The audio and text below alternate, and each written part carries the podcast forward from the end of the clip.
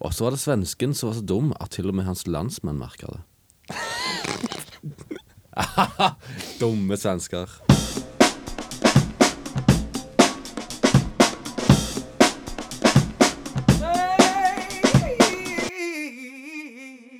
Godt nyttår og velkommen til et nytt år med Pedpodden.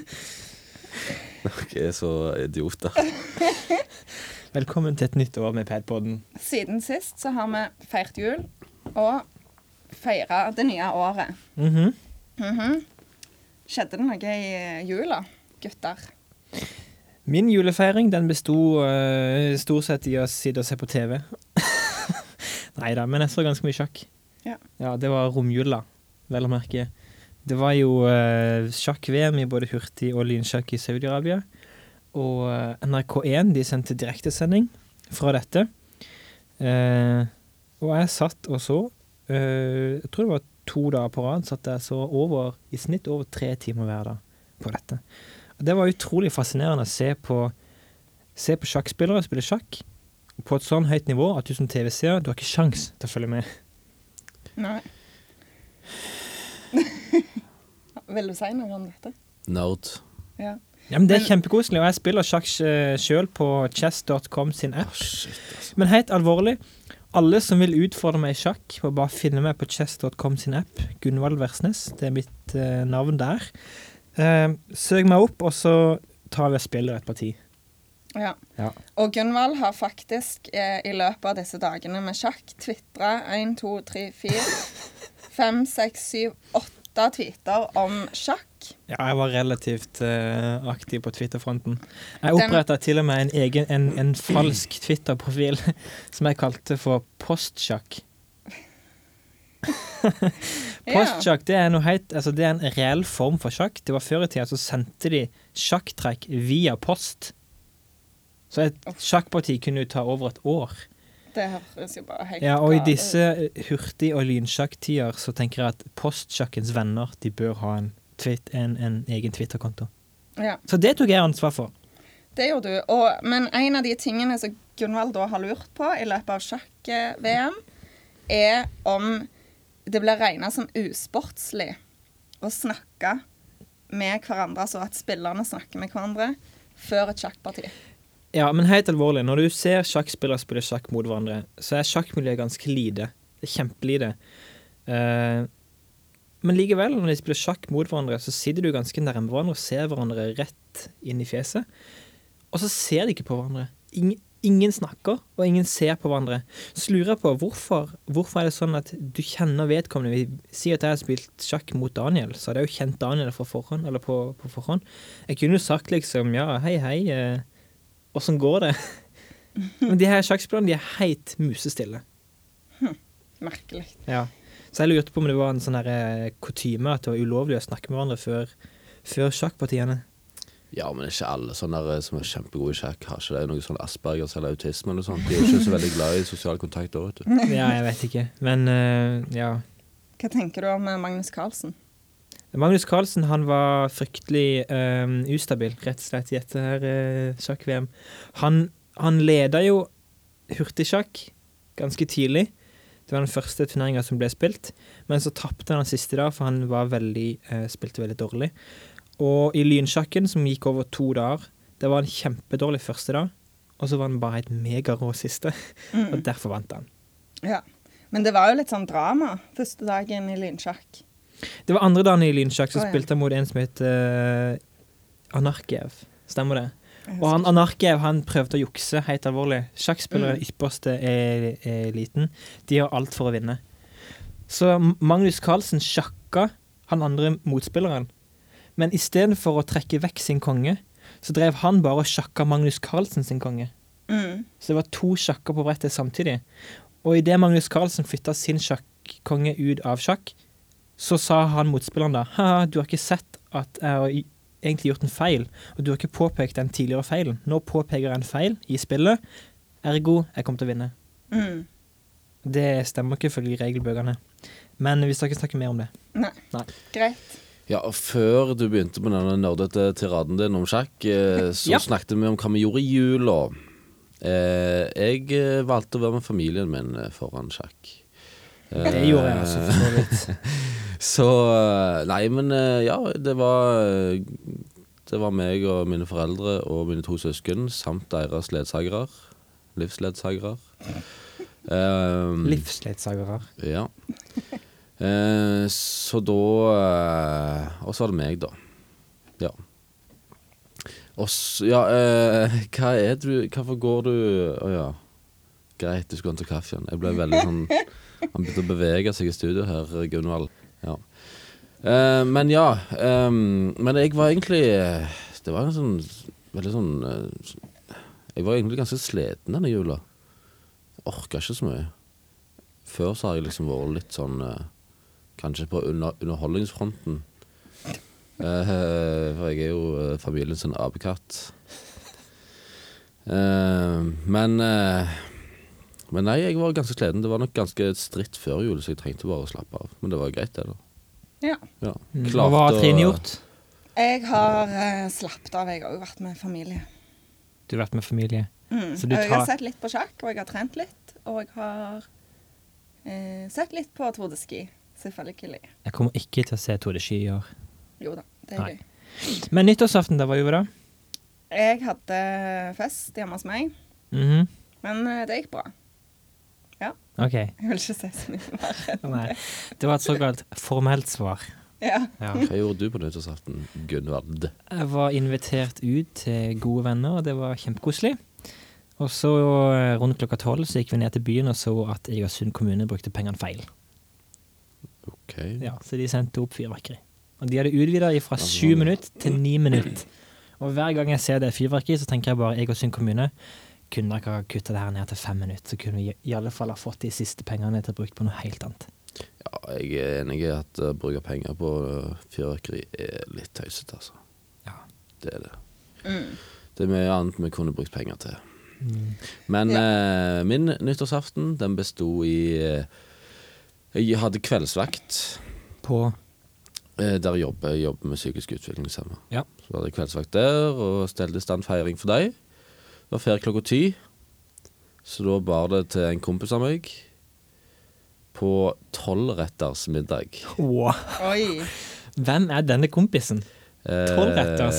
Ja, du vet hvem han er. Er det Kare? Ja. Ja, stemmer det. ja. Tolvretters middag. Han er helt Han er så sinnssykt flink til å lage mat, og det var bare helt amazing. Den siste retten åt vi vel eh, ja, litt over to på natta. Ok. Wow. Så koselig, da. Skjøt dere opp fyrverkeri bare for å ha det som et sånn kontrollspørsmål? Uh, ja, de hadde kjøpt et batteri. Det var, det var ikke et ønske fra min side, for å si det sånn. Men, uh, Nei. Nei. og så hadde vi Han hadde kjøpt inn Han hadde kjøpt inn 15 konfettikanoner som vi bare fyrte av i hytt og pinevær inni det der huset der. Ehm, og det var mye å rydde opp dagen etterpå. Men uh, Det det sånne er konfettikanoner. De er vel ganske sånn klissete, det er papiret. Det er sølvpapiret. Når det setter seg til typisk en sofa, så kan den gi merker. Eh, ja, eller det var ikke så mye merker i sofaen, men det var merker på gulvet. Så jeg, jeg lå på knær og skurte gulvet dagen etterpå. Ja. Men eh, det, var, det var verdt det. Noen hadde faktisk kjøpt en sånn konfettikanon hos eh, oss òg, men den gjemte jeg, for jeg visste at det kom til å bli ganske gale hvis jeg måtte rydde det dagen etterpå. Ja. Men eh, jeg har hørt om en, da. Jeg kjenner en fyr. Som hadde den eh, villeste nyttårsaften jeg har hørt om på en stund. Han hadde fest. Hjemme alenefest. Bor hjemme hos foreldrene. Herlighet. Og så kommer det sånn der 60 mennesker. Og så, i løpet av kvelden, så er det noen som går ned på soverommet hans og finner brannslokkingsapparatet Nei, nei, nei, Pulverapparat? nei, nei, nei. og åpner dette. Nei. Så hele rommet hans er basically ødelagt. Hvor gamle er disse menneskene? Sånn 18. Ja, ok. Da er det litt mer forståelig, for 18-åringer er jo idioter. Ja, jeg lurer jo på hvorfor 18 år gamle gutter iallfall er idioter. Ja, hvorfor tar du fram et brannslukningsapparat, åpner det opp og bare spyler? Altså, hvis det er brann, OK, men du, du holder ikke på sånn på et soverom. Nei. Men han som har gjort det, må jo sikkert betale erstatning og sånn. Det er Eller dyrt sånn rens. det. Mm. Ja, for du må ha sånn industristøvsuger, tror jeg. Ja, du må ha noe sjuke greier. Sånn brannvesengreier. Brannvesenstøvsugeren. Brannvesenstøvsugeren. Ja. Hei, hei til brannvesenstøvsugeren. Så uff, stakkar han. Mora hadde blitt litt sint. Mm, OK. Selvfølgelig. Men hvem er det som lar en 18-åring ha hjemme alenefest, da? Ja, det er ganske mange, skal jeg si det. Det er ganske mange. Ja, men altså, da bør du revurdere livet ditt som forelder, for det er bare så ikke Det er bare så ugreit. Det skjer jo hvert år at 18-åringer har nyttårsaftenfest. De har akkurat blitt 18, de skal feire at de har blitt 18. Altså de har fått frihet. Ja, men er herlighet, send de, send de ut i skogen, da. Herlighet, de er jo helt Send de ut i idioter. Ja, men eh, når jeg var 18 år, jeg var sørens idiot. Hadde jeg hatt hjemme alenefest, hadde gått ad, jeg hadde gått ad undas. Hadde ikke vært hus igjen. Men de advarer jo faktisk om det på NRK i sånn ei uke før nyttårsaften. Husk at eh, det er ikke sikkert at gjenstandene dine er forsikret hvis barnet ditt har hjemme alenefest. Å ja. Mm. Så det er en sånn greie. Men eh, ja, Gunvald. ja. Vi har jo funnet ut at du er ganske skråsikker av deg. Er du enig i det? Eh, nei. Ikke nå lenger? Nei. Jeg skjønner ikke hvor dette kommer fra. Jeg har blitt så fryktelig skråsikker. Ja, men det, det har du brakt på deg sjøl. Ja. Ja, og til og med ja, kan- broren sier det. Begge brødrene dine. Eller to av de. ja, han ene broren som skrev på Facebook Hei, Kjell Erik. Han vet at den samtalen vi hadde i bilen Han skrev på Instagram. På Instagram? Ja. Tenker du på Torjus? Torjus skrev på Facebook. Å ja. Men begge har kommentert på det, Uansett. ja. Kjell Erik, da, eldstebror, han vet at dette er bare tull. Jeg har aldri vært skråsikker på åssen vi uttaler et ord som argument slash argument. Jeg skjønner ikke hvorfor jeg skulle vært skråsikker på det i det, altså, for, i, i, ja, i det hele tatt. Men det er komisk at du nå sier argument slash argument. Nei, det heter argument. Ja. Ja, Ja, det fikk jo vi ettertrykkelig påpekt via Facebook. Men du, hvordan er det du uttaler de ordene? Du sier argument. Ja. Og Nei, argument. Nei. Du sier argument. Ja, men nå har jeg fått en, en peker på at det er argument, så nå sier jeg argument. OK. ok. Se der. Ja, men vi har da Altså, siden vi og flere av våre lyttere mener at du er skråsikker, så har vi valgt ut noen begreper som du skal forklare for oss. Ja vel. Ja. Skal jeg forklare begrepene? Eller skal jeg bare uttale dem? For det er jo Nei, dette, nå du det er jo dette tvisten har stått på. Åssen uttaler Gunvald ord? Nei, nei, du skal, du skal forklare det. Nå skal du forklare dem hva det er. det fordrer jo at jeg vet hva som uh... Ja. ja, OK. Første ordet er kraftuttak. Kraftuttak. Kan jeg spesifisere litt, for dette Nå, nå er vi i bondens verden. Kraftuttak i bondens verden. Uh, skal jeg forsøke meg på en forklaring, eller skal jeg bare fake?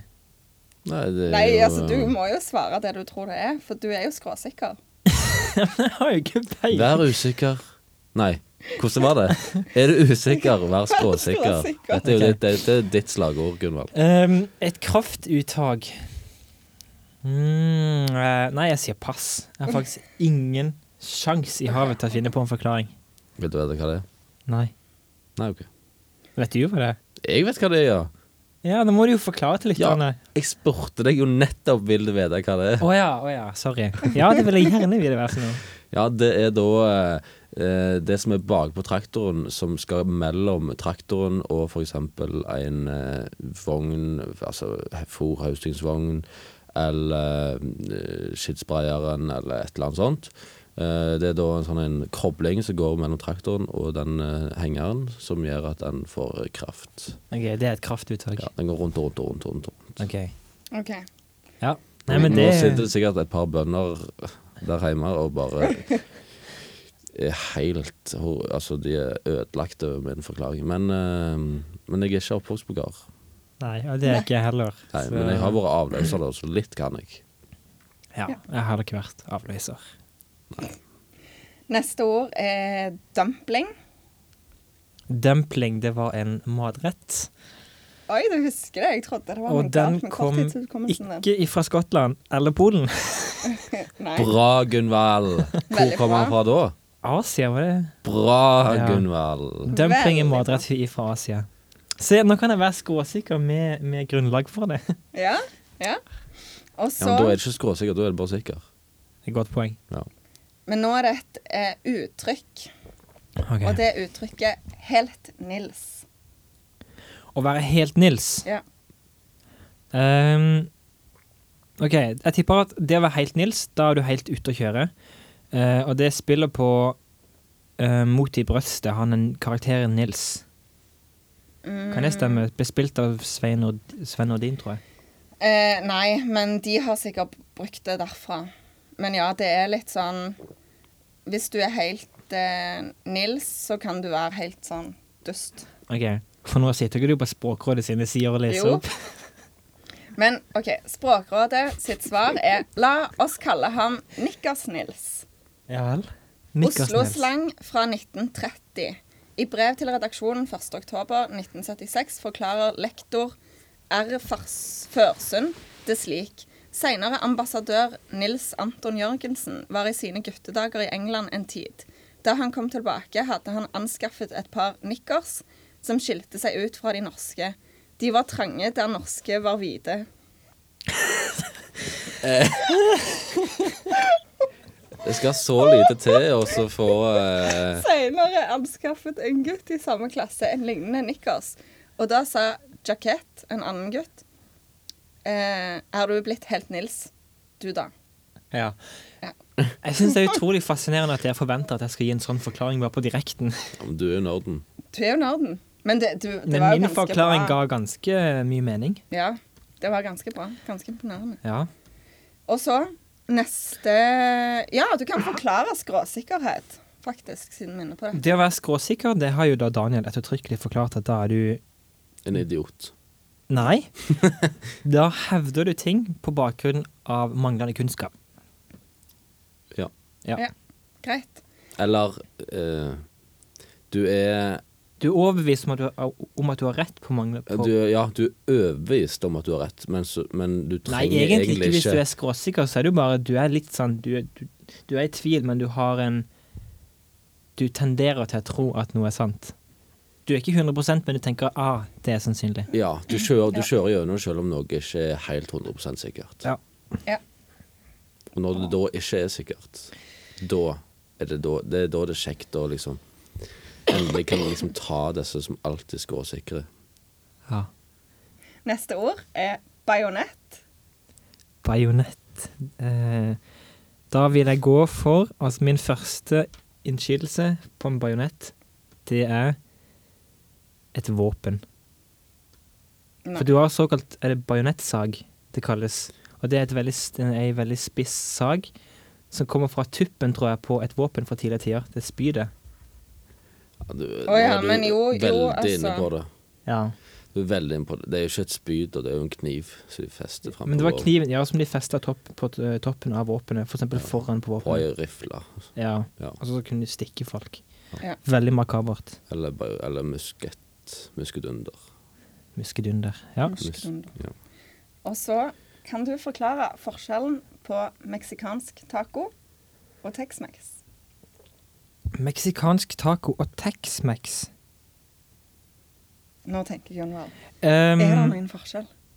jeg har alltid tenkt at nei, det er ingen forskjell. Men eh, Tex Texas Nei, jeg sier nei, jeg har ikke peiling. Jeg, jeg, jeg går for at det er helt likt. Kan jeg prøve meg? Ja. Mm, Jeg tror det er Tex-Mex vi er det meste av her i Norge. mm. Eh, Tex-Mex består av de to Eller de, to eh, Den ene staten og det ene landet, Texas og Mexico. Og det er en sånn en amerikanisert versjon av tacoen som vi har importert til Det landet. høres veldig sannsynlig ut. Ja, jeg tror òg tror det er det. Så da var jeg faktisk inne på dette med Texas. Mm. Mm, ja, nå er jeg ganske god. Og så tror jeg Jeg er ikke helt sikker på dette sjøl, altså, men jeg tror at den meksikanske tacoen er mer sånn ehm, Mindre av det behandla kjøtt. Jeg tror ikke de bruker kjøttdeig, f.eks. De bruker mer rein biff. Eh, og så er det mye sterkere. Jeg tenker at Hvis du har spist taco i Norge, og så skal du spise taco i, i Mexico, så spiser du en helt annen rett Mm. i Mexico. Mm. Ja, bare og til å se. Truls à la Hellstrøm, så ser du Ja, har du sett det programmet? Ja, det er helt Å, det er- fantastisk. Det er helt fantastisk. De to er bare De er bare så gode i lag at jeg eh, De utfyller hverandre helt perfekt. Men da er altså da Padpoden oppfordrer til å se på Truls à la Hellstrøm. Ja. Jeg har ikke TV, så Og når de er i Mexico der, og de skal være med i det der mariachi-bandet Jeg ler så griner. Neste ord. Gunvald, du sa tidligere i dag at du hadde et sitat du ville bidra med på podden. Ja, Pedpodden. det stemmer. Eh, skal vi se Nå skal jeg bare finne fram her.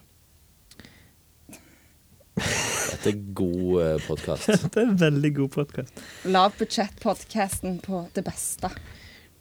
Ja, fordi at ehm, på min Mac så har jeg masse si sitater, men det er ikke alltid jeg får lagt de over på min Mac, og da legger jeg de først inn på min eh, telefon. Og jeg har et sitat som jeg har funnet i Morgenbladet i ehm, november i år. I fjor.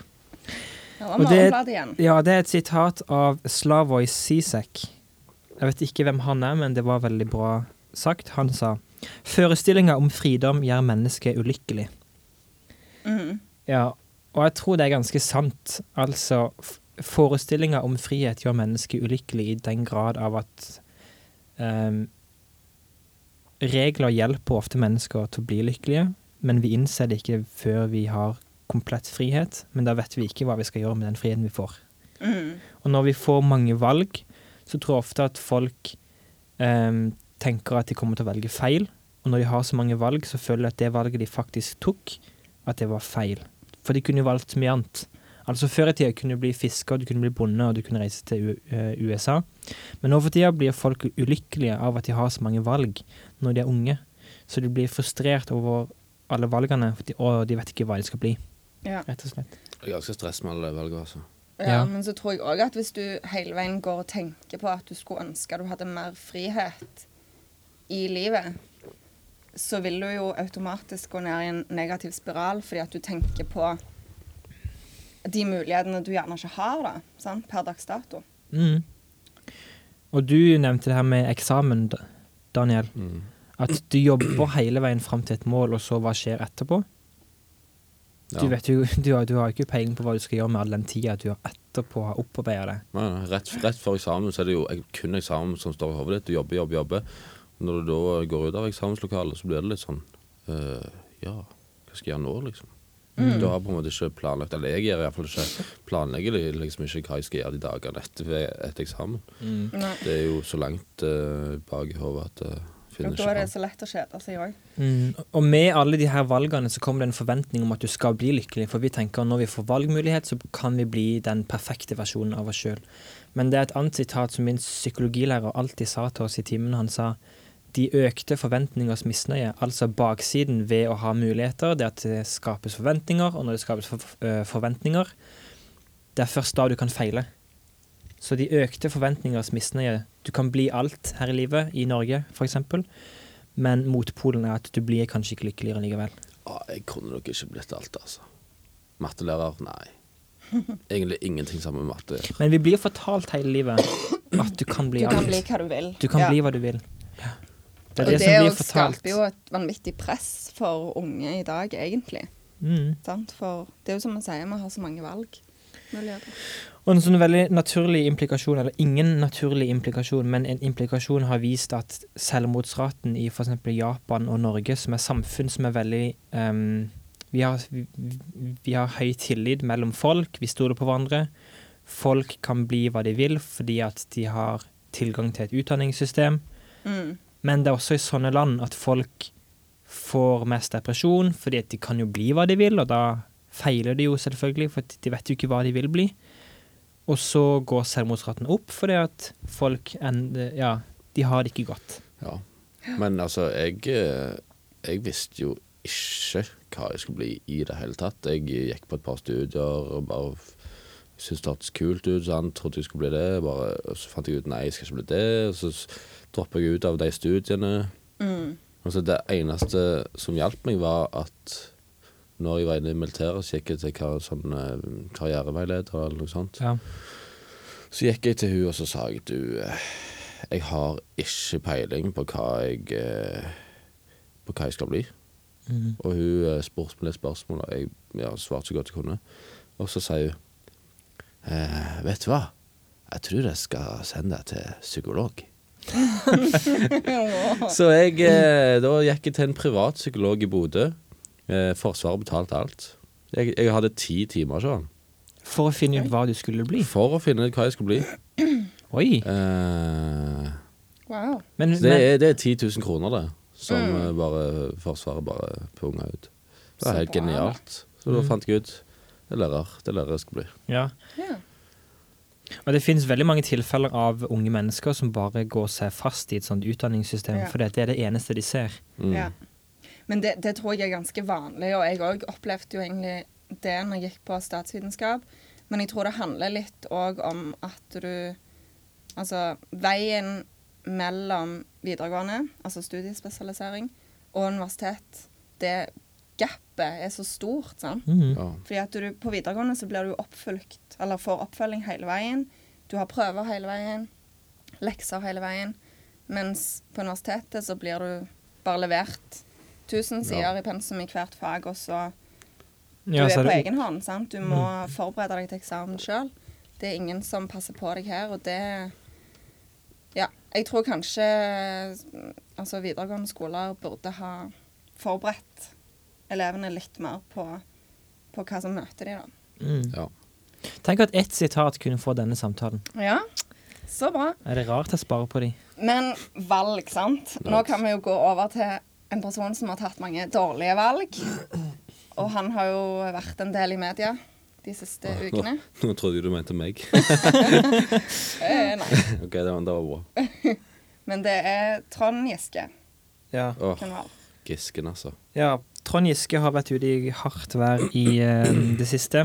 Og det starta vel før jul. Mm.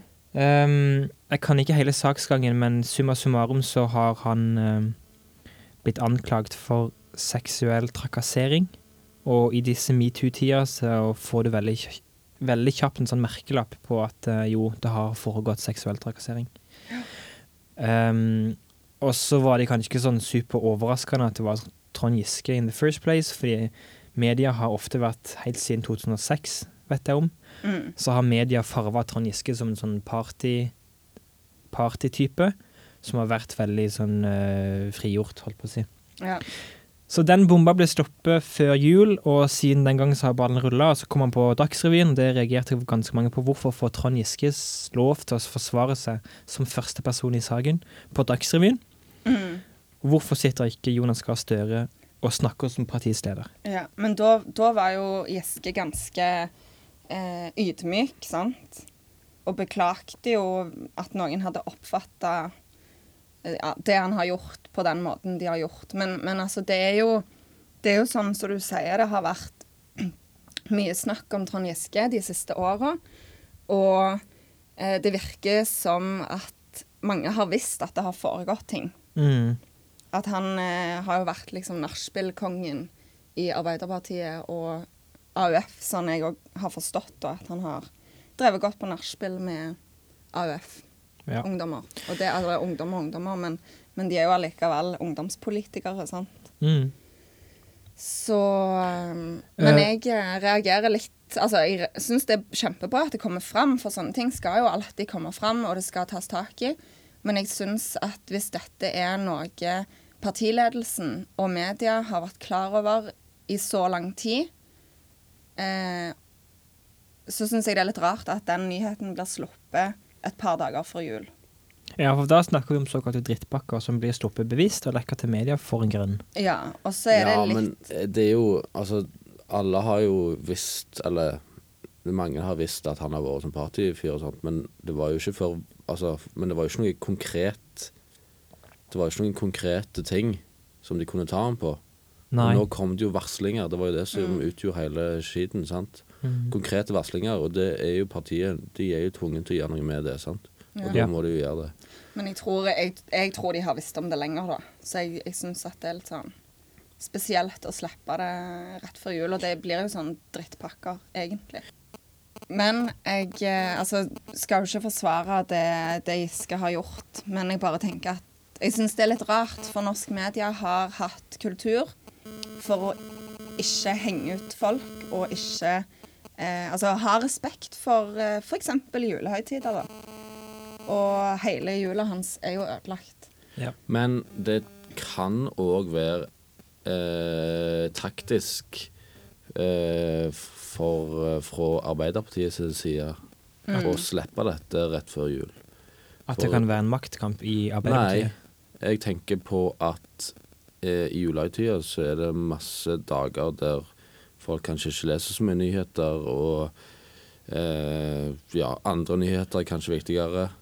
Um, Men samtidig så tenker jeg at hvis du kommer hjem til jul, um, så blir dette en sak som blir veldig kjapt debattert, tenker jeg. Rundt Ja, julemiddagsselskap. Det hadde han blitt uansett.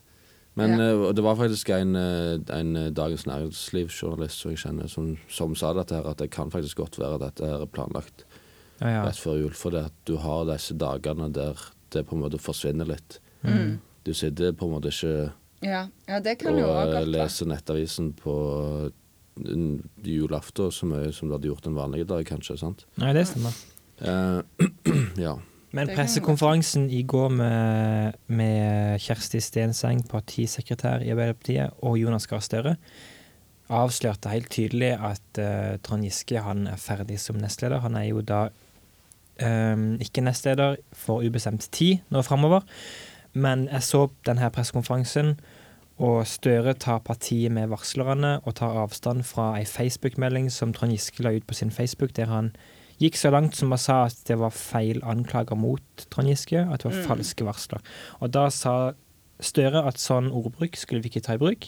Mm. Mm. Så det er helt tydelig at Støre han eh, tar avstand fra Trond Giske, og Trond Giske mest sannsynlig er ferdig som partisekretær. Ja, Nei, som og- nestleder. Ja, og sånn karrieremessig i, i stortingspolitikken så er nok eh, Giske ferdig, tror jeg. Jeg, jeg. jeg tror det er vanskelig å komme tilbake etter en sånn sak, altså. Og iallfall når du har gått ut på sosiale medier og sagt at det er falske nyheter, da, egentlig. For det er jo det, han, Ja. det, er det kortene har valgt å flagge, og det eh, Ja, mest sannsynlig så er jo dette noe som har skjedd, dessverre. Og hele dette politikergreiene, altså det går jo på tillit.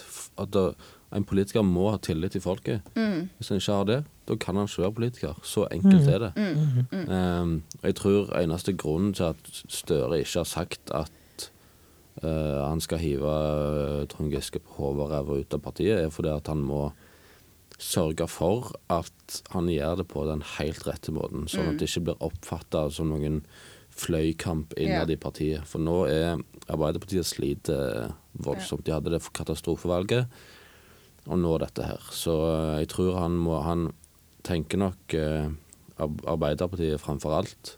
ja, han var veldig opptatt av å snakke om går- prosessen. Ja, partiet går foran alt, og så må han bare prøve å gjøre det på Gjør det på en sånn måte at det ikke hersker noen tvil om at det ikke er noe sånn sløy eh, maktkamp Mm. innad i partiet. Men fra en vulgær person til en annen. Ja. Hva har skjedd i livet til Anna Rasmussen Åh, nå trodde jeg du skulle snakke om meg igjen.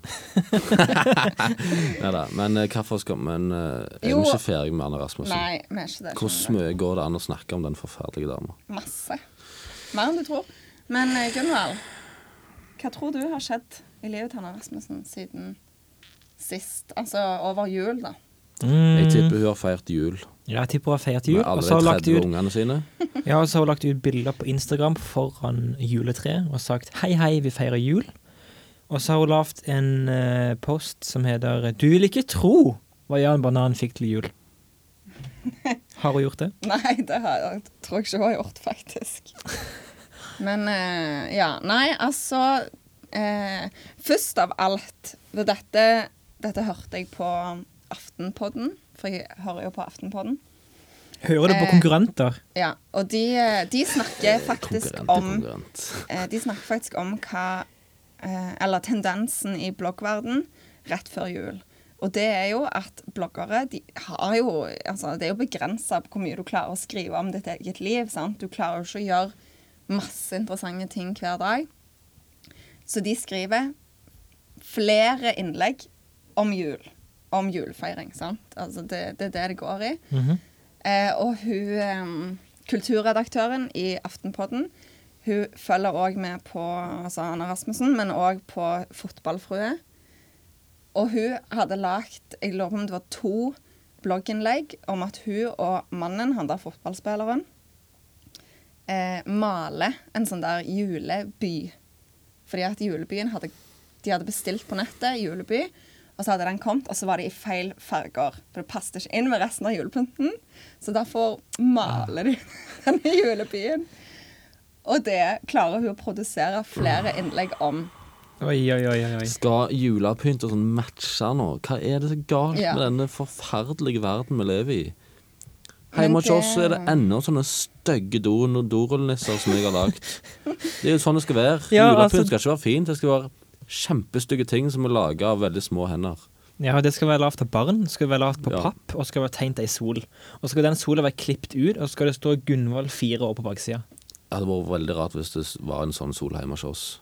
Vi, vi har den sola hjemme Ja, hos oss, men- og jeg har tegnet den i en er alder av fire Du er jo for din familie. Men han er jo så utrolig søt, denne sola. Og så har vi bilder, eller har eh, papp, pappklipp av julenisse, julenisser, har vi bilder av. Og alt henger på, på juletreet. Ja. Så koselig. Det er kjempekoselig. Men altså, ja. Vi har bilder av Jesus med. før jul så skrev Anna Rasmussen om eh, hvordan hun hadde valgt å dekke bordet til julaften. Eh, og så julens beste overraskelse, reklameinnlegg, selvfølgelig.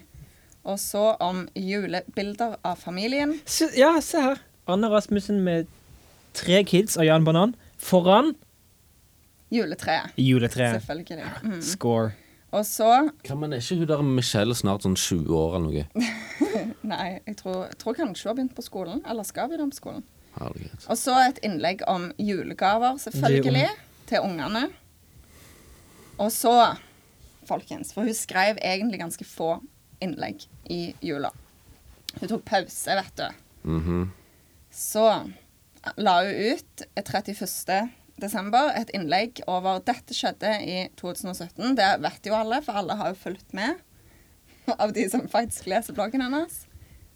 Og i 2018, første innlegget hun publiserer klokka 11 på morgenen, 1. Desember, nei, 1. januar, er at hun skal slippe en nyhet i løpet av dagen.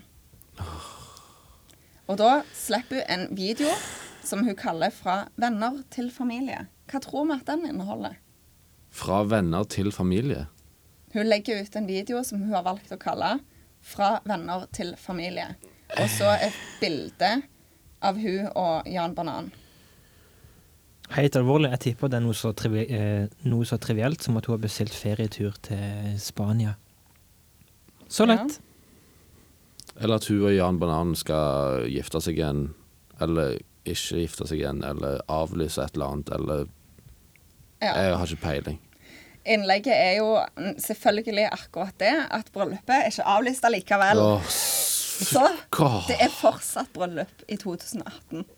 Så da kan vi jo lure på hva i alle dager mente hun med å avlyse bryllup og forlovelse? Det har jo tydeligvis ikke vært avlyst.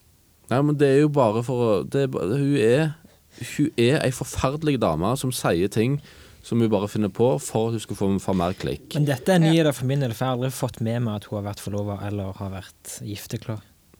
Dette er nyheter. Dette har vi snakket om på podkasten Hun er ei leikskjøge av dimensjoner. Bare la oss stoppe der. Punktum. Ja. Punktum. Og da snakker vi ikke mer om hun. Nei. Nei, du, men jeg må, sånn, jeg må egentlig gå et øyeblikk, for jeg skal på et møte på jobb. Jeg må egentlig gå nå. Du må gå nå, ja. Kan jeg få lov å gå? Ja, ja, klart. Vi er jo ikke en podkast med, med altfor mange lyttere som du ikke er. Det er jo ingen som merker det. Nei, så eh, da takker jeg for meg, og i mellomtida, ha det gøy! Ha Ha det gøy. Kos deg på jobb. Eh, ja, det var møtet nå, men Ja, vi snakkes. OK. Skal vi ta dagens fagbegrep med, da? Ha det! Ja, da tar vi dagens fagbegrep. Eh, og det trenger vi jo ikke Daniel. Nå, er- nå har jo Daniel forlatt studio, så nå kan vi Trine, vi kan drive da, altså, altså baksnakke Daniel. Nei da. Men um, vi heter jo Padpodden. Så jeg tenkte at vi burde jo diskutere litt pedagogikk, og derfor så har jeg valgt ut et fagbegrep som plasserer seg innenfor en fagdidaktisk tradisjon denne gangen. Og dagens fagbegrep det er sosiokulturell læringsteori. Hva er sosiokulturell læringsteori? Et sosiokulturelt læringssyn bygger på en antakelse om at læring skjer gjennom bruk av språk og deltakelse i sosial praksis. Så altså, for at læring skal finne sted, så trenger ethvert barn A. tilgang til et samfunn, og B. tilgang til et språk, ifølge den sosiokulturelle læringsteorien. Ja. Og altså, det betyr jo at vi lærer, lærer i sosiale fellesskap, i samhandling med andre mennesker. Ja. Så altså grunntanken, eh, grunntanken innenfor den sosiokulturelle læringsteorien, det er jo der- derfor at alle barn trenger å være i dialog med samfunnet rundt seg, og da gjerne med mer kunnskapsrike mennesker. For i dette spennings, eh, spenningsfeltet mellom hva barnet kan på den ene sida, og hva den voksne kan på den andre sida, så, kan læring finne- eh, så kan læring finne sted. Mm. Og jeg har veldig tro på dette læringssynet. Ja. Ettersom alle barn blir inkludert i et større fellesskap, så blir også synet på ethvert menneske positivt. Altså ingen mennesker er isolerte øyer. Eh, vi er alle en del av noe større. Og fordi at alle mennesker er inkludert i et fellesskap, så kan også læring finne sted hvor som helst, på alle slags arenaer, ifølge denne teorien. Du kan lære på en kafé. Du kan eh, lære ting på en fotballbane, du, når, du, når du ser på TV, når du er også i et klasserom. Så lenge du blir utfordra, altså innenfor et sånn spenningsfelt mellom hva du på den ene sida kan, og hva et annet medlem av samfunnet på den andre sida kan, Mm. så kan læring finne skje. Ja. Mm. Så det som skjer, er en overføring mellom den som kan mer, og den som kan mindre. Ja. Og da blir spørsmålet hvordan kan du overføre kunnskap fra den som, som kan mer, til den som kan mindre. Og det er jo her hele pedagogikken kommer inn, og læreren kommer inn, fordi at eh, teorien sier at det er viktig å modellere, altså å vise for barn hvordan ting skal bli utført. Og det er viktig å bygge såkalte stillaser rundt barn, Mm. altså hjelpe de på vei. Ja. Um, og her kommer læreren inn, som sagt, for læreren kan modellere for elevene. Han kan vise hvordan et regnestykke skal utføres, f.eks. Han kan vise hvordan du skal sparke en fotball, han kan vise hvordan du eh, Ja, det er en, en, en hel del ting. Mm. Og det stillaset handler vel òg om at eh, i de ulike pros altså læringstrinnene, da, så trenger du Altså i starten så trenger du mer støtte enn enn i slutten av en læringsprosess. Mm. Eh, og at disse stillasene blir bygd opp for å så tas vekk igjen, på en måte. At du, Mm. du trenger ikke like mye støtte på veien. Nei, eksempel vi som skal bli norsklærere, vi kan eksempel tilby elevene i skriveundervisning såkalte stillaser som skriverammer. Mm. Ja. Ei skriveramme vil bare si at du egentlig tilbyr en tekst og sier sånn kan du skrive din tekst, din artikkel. Mm. Og etter at eleven har fulgt denne skriveramma et par ganger, så husker han den skriveramma utenat. Ja. Og da kan du, som du sier, ta bort den skriveramma, ta bort det stillaset. Ja. Ja. Men støtter den sosiokulturelle teorien eh, tilpassa opplæring, altså at eh, ulike barn trenger ulike stillaser? Ja, nettopp. Fordi at, fordi alle mennesker kan forskjellige ting, alle mennesker har forskjellig kunnskapsnivå, så må også enhver lærer se hvert enkelt elev og Mm. tilby såkalt assistert læring. Så den assisterte læringa, den må være um, tilpassa hver enkelt elev. Ja. Ja. Så hvis en elev trenger at du eh, tar eleven til side og leser opp oppgaven foran, så Ja. støtter teorien at du kan gjøre det. Ja, altså så lenge det, det, det handler hele veien om det her spenningsfeltet mellom hva du som, eller hva barnet kan på den ene sida, og hva du som lærer kan. Mm. Og hvis du ser at eh, Ole på ti år, han kan lære masse av Lise på ti år, fordi at Lise kan veldig mye om eh, eh, Ibsen, så kan du sette Lise og Ole i samme gruppe, for da vil Ole eh, lære ganske mye av Lise. Mm. Fordi at det nettopp er et spenningsfelt mellom hva Ole kan, og hva Lise kan. Veldig Så det var dagens fagbrev sosiokulturell læringsteori. Og det går vel an å si at det er en grunn for at Daniel ikke var med på dette. Ja. Men han er jo en utrolig uh, hyggelig kar å ha i studio, så Han er det. Ja. Yes, men uh, da får vi bare runde av da og si uh, Nei, ikke ennå. Først så må vi si at du finner oss fortsatt på iTunes og på Soundcloud ennå, ja. ja. Eh, og følg oss på Instagram og Facebook, og kom gjerne med tilbakemeldinger og tips til hva vi kan snakke om. Og enn så lenge ha det kjekt. ha det gøy! Ha det gøy! Yes!